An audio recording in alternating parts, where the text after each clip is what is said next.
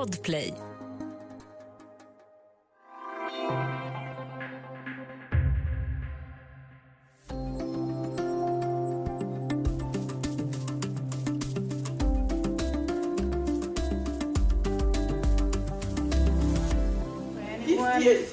Two days ago, children died, and here, here.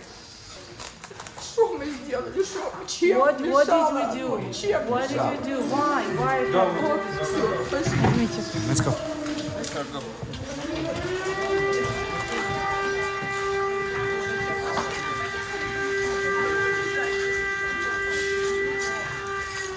Lågstadieläraren Alla Savitska uttrycker sin förtvivlan. hennes skola har till stor del förstörts av raketbeskjutning och hon frågar sig vad de har gjort för att förtjäna attacken. Sen går flyglarmet. I dagens Studio DN, en direktrapport från krigets Ukraina. Jag heter Ylke Holago. Och med mig direkt från Zhytomyr, Ukraina. Idag är Dagens Nyheters medarbetare Niklas Orenius, reporter och Anders Hansson, fotograf. God morgon. God morgon. God morgon.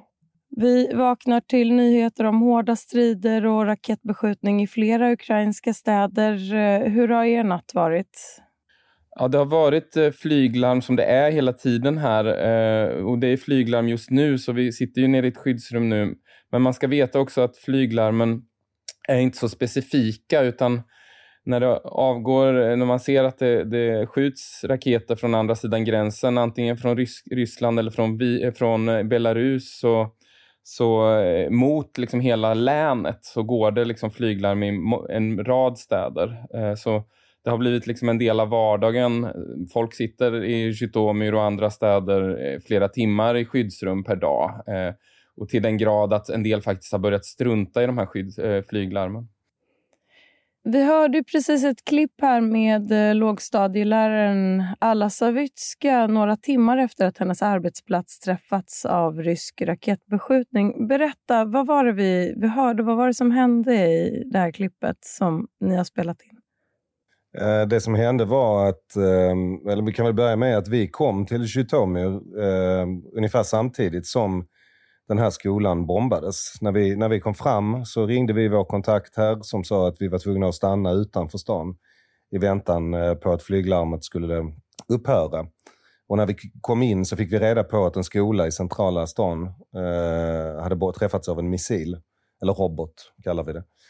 Och, eh, så vi stack ju dit direkt såklart. Och eh, där, där, träffade, där träffade jag den här kvinnan, eh, Alla. Ehm, och vi följde med henne upp i klassrummet. Hon var ju oerhört känslomässig och uppriven såklart. Eh, och mitt i den här filmsekvensen eh, så, så, så gick flyglarmet och alla började springa ner för trapporna ner i skyddsrummet. Och då är det ju alltså så att eh, när det här flyglarmet går så då är vi ju då i en helt utbombad skola. Nästan hela skolan är förstörd. Hennes klassrum, den här lärarens klassrum var ett av de få som, som överhuvudtaget fanns kvar. Men dörren var ju också borta, förvriden och alla fönster trasiga och sådär. Då går man ner då lärare och massa frivilliga i skyddsrummet som fortfarande är hyfsat intakt under den här helt utbombade skolan och väntar ut flyglarmet där.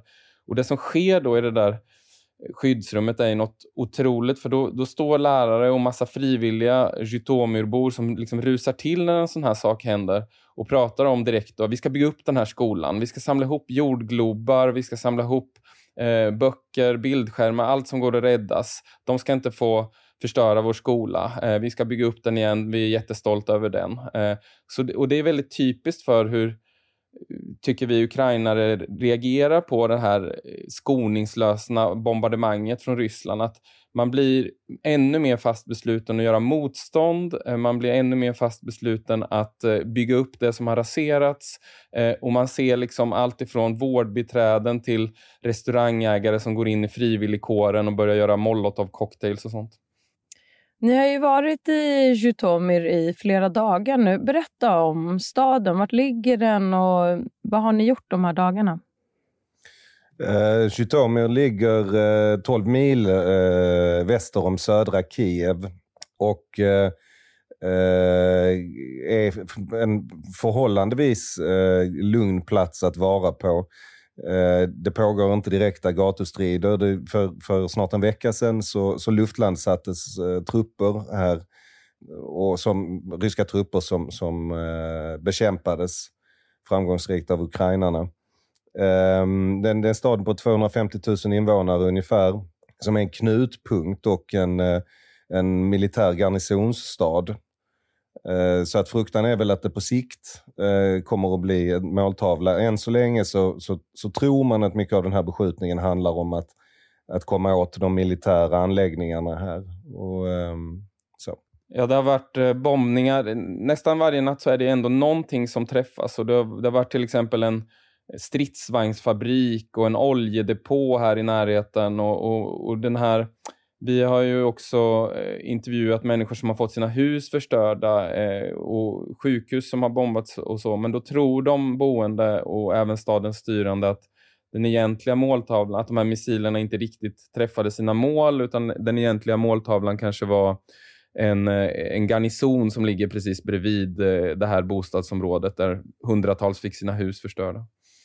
Anders, du sa att eh, ryska soldater bekämpades. Vad vet vi om det? Har de eh, dödats eller tillfångatagits eller dragit sig tillbaka?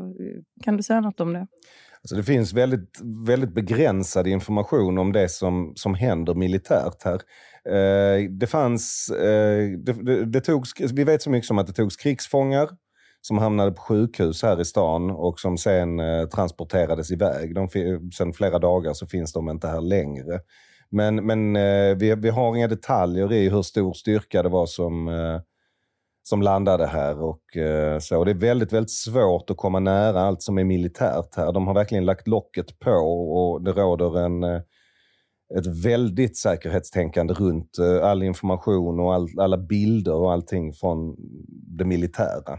helt enkelt. Hur märker du av det som fotograf? Jag märker av det för att jag inte kan fotografera det militära alls. Det är väldigt, väldigt svårt. Eh, vi har försökt ligga på eh, att få access. Man, staden är ju helt omringad av eh, det de kallar blockposts, alltså vägspärrar som bemannas av både militär men framförallt då hemvärnet eller territorial defense som det heter. Och eh, det, det, är totalförbud att fotografera. Jag jobbade ju här mycket efter kriget, eh, under kriget 2014 och framåt.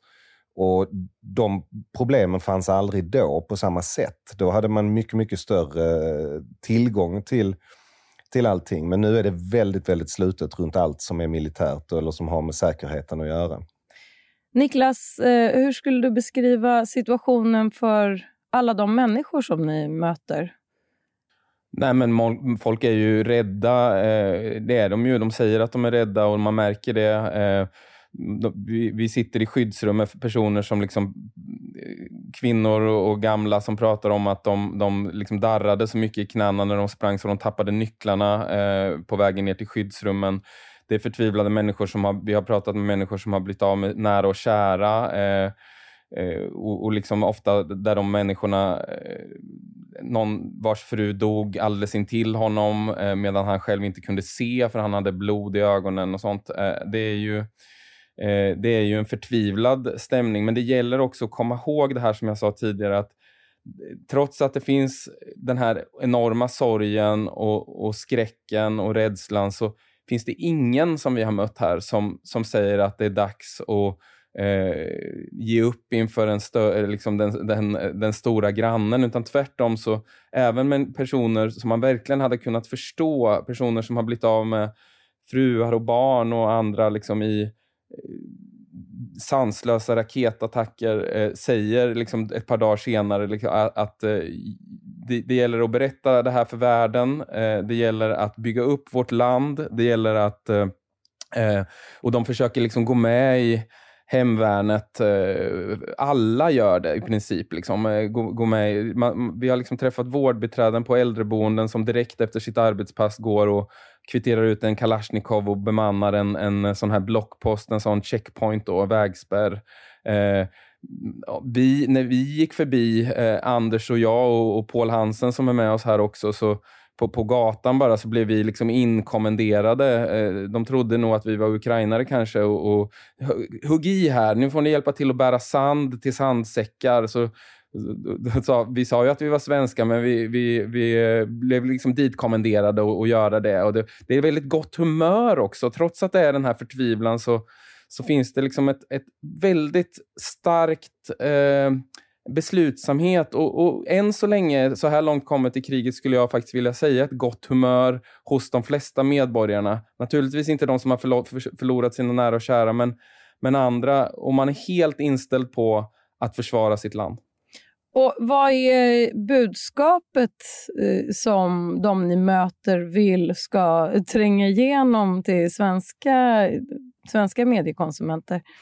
Alltså det vanligaste är ju ändå att man pratar om att ni måste stänga himlen, som man säger. Uh, close the sky. Uh, att uh, stridsflyg, det är, ju, det är ju ett skoningslöst bombardemang. Liksom. Och, och, då vill man ha hjälp av ja, vem som helst, NATO eller vem det nu kan vara, och få fler stridsflyg men också att, att de länder, andra länder ska gå in i det här lite mer eh, militärt. Och, och, då säger vi, eh, ja, det innebär tredje världskriget, är det många som säger då. Och då säger de att tredje världskriget är ju, har ju redan startat, säger de.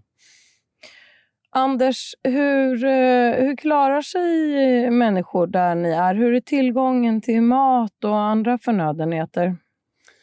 Just här så verkar tillgången på mat och, och, vatten och så inte vara några större problem. Ett, ett problem som vi stöter på det är ju bränslet i bilen. Alltså bensin och diesel är komplicerat. Vi, eh, I förrgår så körde vi runt eh, precis hela stan och det var det, var det slut överallt. Eh, och sen fick vi ett tips så var vi uppe tidigt i, i, igår morse och gav oss ut i utkanten av stan och lyckades fylla bilen. Men, men det är ju det stora orosmomentet och det handlar ju mycket om att folk, dels så, så, så, så transporteras det inte in tillräckligt mycket bränsle men men det handlar också om att många människor, kvinnor och barn, har gett sig västerut. Eh, och, och, och, därmed så, så bunkrar ju folk och man, man fyller bagageluckan med, med bensin och, och så. Eh, men annars, just här skulle jag säga att, att på vanliga förnödenheter så, så är det ingen direkt brist i nuläget. Man kan ju säga att eh, alla affärer är ju stängda och sådär. Det, det, är bara någon supermarket eh, här och där som har öppet vissa tider. Eh, och Då kan man se folk stå och kö där utanför. Och jag var i en sån igår och det var en del gapande eh, hyllor. Men, men det är också så där att det känns inte som det är någon så här hamstringspanik eller så, utan eh, folk hjälps åt skulle jag säga så himla mycket. Det, det, det, det, finns, trots att det är en stad under bombardemang så finns det ändå någon sorts grundlugn här. Och, ja, och man, kan ju verkligen, man kan ju verkligen säga att det, finns en, att det har skapat en nationell gemenskap här som är som, som, som faktiskt är helt otrolig. Det, jag, jag som har varit där ganska mycket tidigare har aldrig sett det så här eh, tidigare. Den här eh, gemenskapen och den här övertygelsen om att, att eh, och viljan att uppoffra sig, den, den är helt otrolig. Ja, man, eh, ett exempel, finns många exempel på det här, men de kommunala affischtavlorna som ser liksom ut precis som vanliga affischtavlor hemma i Sverige. Hela stan så står det ju nu ryska krigsskepp dra åt helvete, står det på dem i snyggt upptryckta affischer i gult och blått. Och det är ju en, det är liksom en fras som yttrades av en sån här gränsvakt, en soldat på Ormön i Svarta havet eh, när de blev angripna just av kry ryska krigsskepp. Och den där frasen har liksom blivit en symbol för motstånd över hela landet. Och kommunen liksom trycker upp sådana affischer och sätter upp överallt. Och vi fick höra att eh, det är det vanligaste tatueringsmotivet också för folk som tatuerar sig nu. Här i Sverige så rapporterar vi just nu mycket om eh, humanitära korridorer och eh, att öppna möjligheter för människor att ta sig ut ur de värst krigsdrabbade områdena. Hur stor är den frågan bland de ni möter? Ja, men vad vi har hört här så är det ju eh, de här humanitära... Det är svårt att veta med information i kriget, men att det, det, vi, fick, vi fick höra att eh, någon humanitär korridor, någon korridor i själva verket inte alls blev en korridor utan att, att man blev angripen och så. Vad vi kan säga, vad vi ser är ju en otrolig massflykt. Så är det ju. Varje morgon så ser man det står folk utanför stadshuset med väskor som ska bli upplockade av någon minibuss och köra västerut. Liksom. Och när vi var i Lviv tidigare så var det ju eh, en enorm, det är ju knutpunkten då för, för flykten egentligen, där det kommer hundratusentals människor och det är ju en, en stad som verkligen präglas av det. Men just de här humanitära korridorerna, det är lite oklart hur de ska fungera och om de har kommit igång egentligen för oss här på marken. Ja, och de är inte riktigt, eh, än så länge inte riktigt aktuella här, för angripandet mot denna stan är inte så omfattande eh, än så länge. Däremot eh, så har ni ju besökt ett eh, sjukhus som har blivit angripet också och skadat. Berätta om sjukhuset. Vad var det ni mötte där? Ja, eh, vi har varit på två sjukhus och det ena sjukhuset är, det, de heter sjukhus nummer ett och sjukhus nummer två. Eh, och sjukhus nummer två var det som blev eh, drabbat av den här eh, raketattacken. Det var fyra projektiler som slog ner och detonerade eh, i mellan eh, ett sjukhus och en militärbas kan man säga. Eh, och Det som låg däremellan var egentligen en va vanligt bostadsområde med småhus. Och det var de här som fick sina hus förstörda.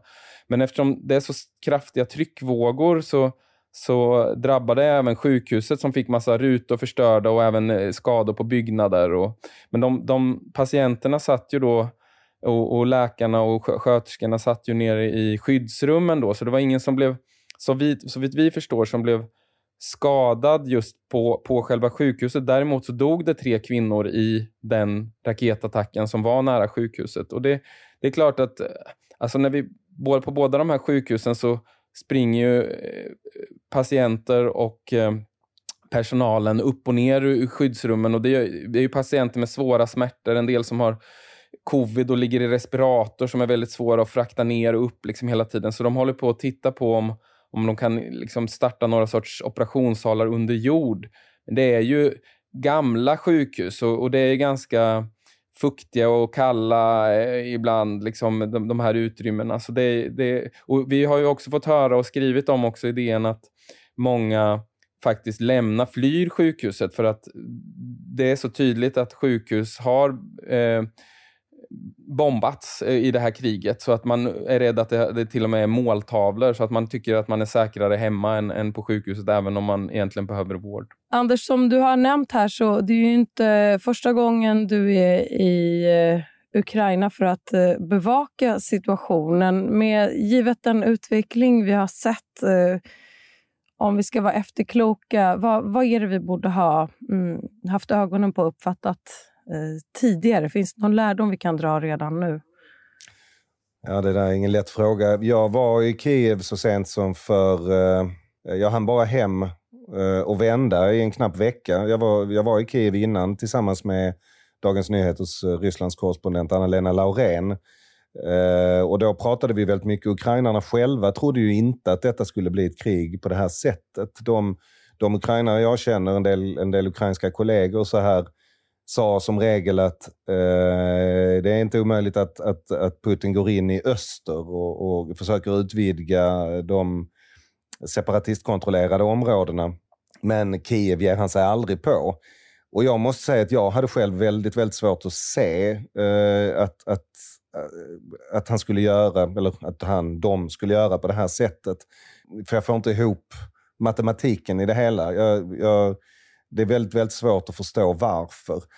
Um, samtidigt så är det väldigt intressant hur amerikaner och engelsmän uh, larmade om, om denna risken ganska tidigt.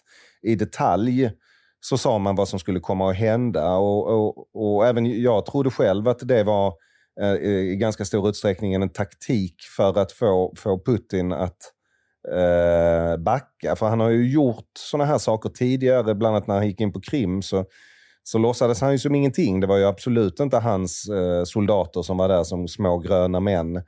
Och, och, och så. Och, det, ja, den är... Eh, Eh, det, det, är svårt att se hur, hur, hur detta har gått till och hur, hur det har tänkts. Men, men här var det, jag träffade ingen tidigare som trodde på det här. Och jag hade själv väldigt svårt att, att, att tro att det skulle ske på den här skalan. Det är, eh, det är fortfarande svårt att förstå. Eh, och, och de förstör ett land. Det är helt... Det är helt klart så. De bilderna som kommer från Kiev och Charkiv och Mariupol och, och, och så vidare. Det, alltså det är fasansfullt. Um, det är, um, för mig, för mig för, jag, nej, jag kunde inte greppa det i förväg, det måste jag säga. Och, men det är väl en, en stor lärdom runt hur Putin tänker och uh, inför framtiden, helt enkelt.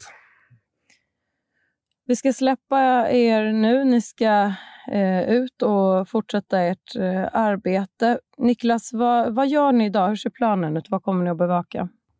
Vi fortsätter att träffa offer för de här sanslösa attackerna. Och det, det, som, som Anders sa, de förstör ett land. Det, vi går här liksom dag efter dag förbi fina skolor som bara har blivit sönderbombade och skakar på huvudet. Man, det är liksom som om man tänker sig vi är från Malmö, Anders och jag. Den här staden har 270 000 invånare. Den är ungefär lika stor. Det är som, och den, den välfungerande, liksom, vi träffar bartendrar som, som har blivit soldater som berättar att för två veckor sedan så stod jag och blandade mai tais. Liksom, och, och det, det, är precis det är ett, ett jättefint land som, som som bara eh, bombarderas till, till smulor just nu. Och, och det, är, det är faktiskt svårt, även om vi, vi, vi ska nu till ett sjukhus och prata med, med personer som har skadats då i sådana här attacker. Men det, det, är, det är svårt att förstå. Liksom. Vi, vi, vi, vi säger självklarheter till varandra hela tiden. Hur, hur, kan, hur, det är otroligt, säger man när man står utanför en sån här skola och ser